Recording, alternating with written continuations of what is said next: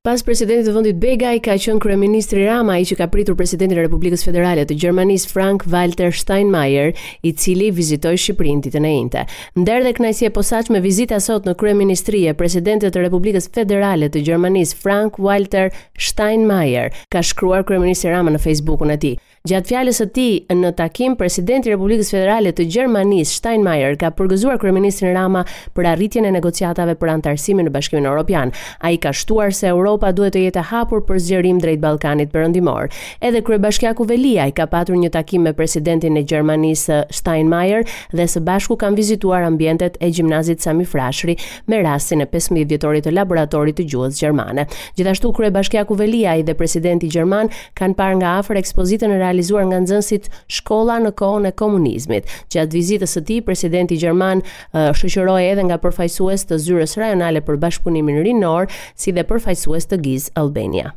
Ambasadori Guido De Sanctis ka filluar detyrën e kryetarit të prezencës së OSBE-së në Shqipëri. Ambasadori De Sanctis është diplomat karriere i Ministrisë së Jashtme edhe i Bashkëpunimit Ndërkombëtar të Italisë. Përpara se të emërohej kryetari i OSBE-së në Shqipëri, Ai ka qenë zëvendës ambasador në Ambasadën e Italisë në Moskë. Nga 2013-a deri në 2017-ën, ai shërbeu si ambasador i Italisë në Katar dhe nga viti 2011 deri në 2013-ën si konsull i përgjithshëm i Italisë në Bengazi të Libisë. Gjithashtu ai ka shërbyer në ambasadat italiane në Tripoli, Bern dhe Kiev. Ditën e diel në datë 4 dhjetor do të zhvillohen votimet për primaret në Partinë Demokratike, e cila do të nxjerrë më pas kandidatët që do përfaqësojnë selinë blu në zgjedhjet e 14 majit. Uh, prej rreth një muaji është hapur gara për pjesëmarrje në primaret e PD-së, të gjithë anëtarët e PD-së dhe simpatizantët, të cilët mund të jenë të pajisur me një kartë të posaçme, mund të votojnë në primare. Karta për simpatizantët vlen vetëm për këto votime. Pasi të paraqiten në qendrat e votimit, ata duhet të dorëzojnë kartën dhe do të mund të votojnë. Deri më tani janë deklaruar më shumë se 200 emra të cilët kanë marrë pjesë në primaret e PD-së, ka dhe bashki që kanë vetëm një kandidat në primare. Fushata elektorale ka zgjatur mbi 10 ditë dhe kandidatët kanë paraqitur platformat e tyre. Gara më e fortë pritet të jetë në Tiranë ku garojnë 7 emra: Belind Këlliçi, Gerti Bogdani, Ilir Alimehmeti, Adriana Kalaja, Enkelejda Fejzo, Fatmir Merkoçi dhe Julian Deda. Ministrja e Jashtme Olta Xhaçka ka zhvilluar një vizitë zyrtare me homologun e saj grek Nikos Dendias në Athinë. Përmes një postimi në rrjetet sociale, ajo shkruan se ka pasur një takim konstruktiv për të gjitha aspektet e marrëdhënieve Shqipëri-Greqi. Xhaçka thotë më tej se kanë ndarë të njëjtin vizion dhe dëshirë për të ardhmen e marrëdhënieve mes dy vendeve. Shprehet se Shqipëria dhe Greqia janë të përkushtuar të punojnë ngushtë së bashku në gjetjen e mënyrave të reja për t'u angazhuar në mënyrë konstruktive për të mirën e popullit dhe të rajonit. Në datë 6 dhjetor në Tiranë do të mbahet samiti mes BE-së dhe Ballkanit Perëndimor, një event shumë i rëndësishëm që zhvillohet për herë të parë në vendin tonë dhe nën masa të rrepta sigurie. Por në të njëjtën ditë Partia Demokratike ka paralajmëruar se do të zhvillojë protestë, edhe pse policia nuk i ka dhënë leje për bulevardin Dëshmorët e Kombit.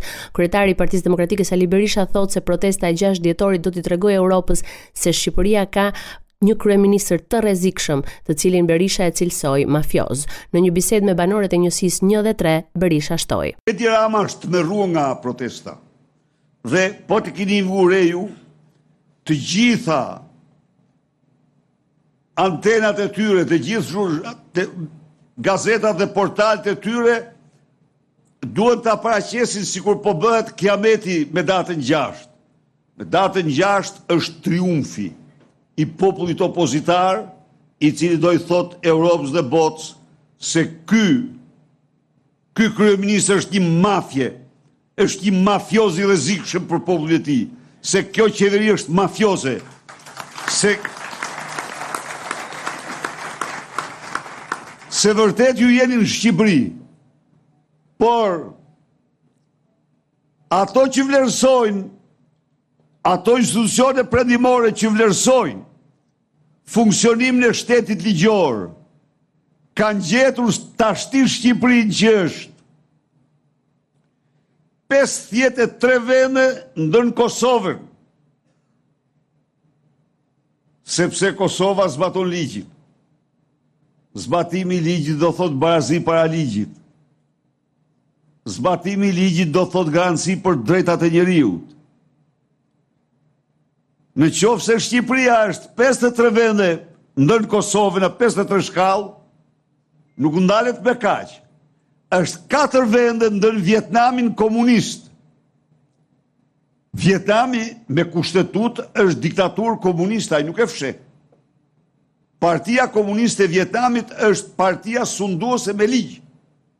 Megjithatë, pavarësisht se aty është monizëm komunist, prap zbatimi i ligjit është më i mirë se në Shqipëri, sepse ligji për qytetarët nuk ekziston.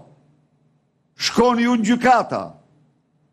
S'fitohen procese kundër qeverisë ma.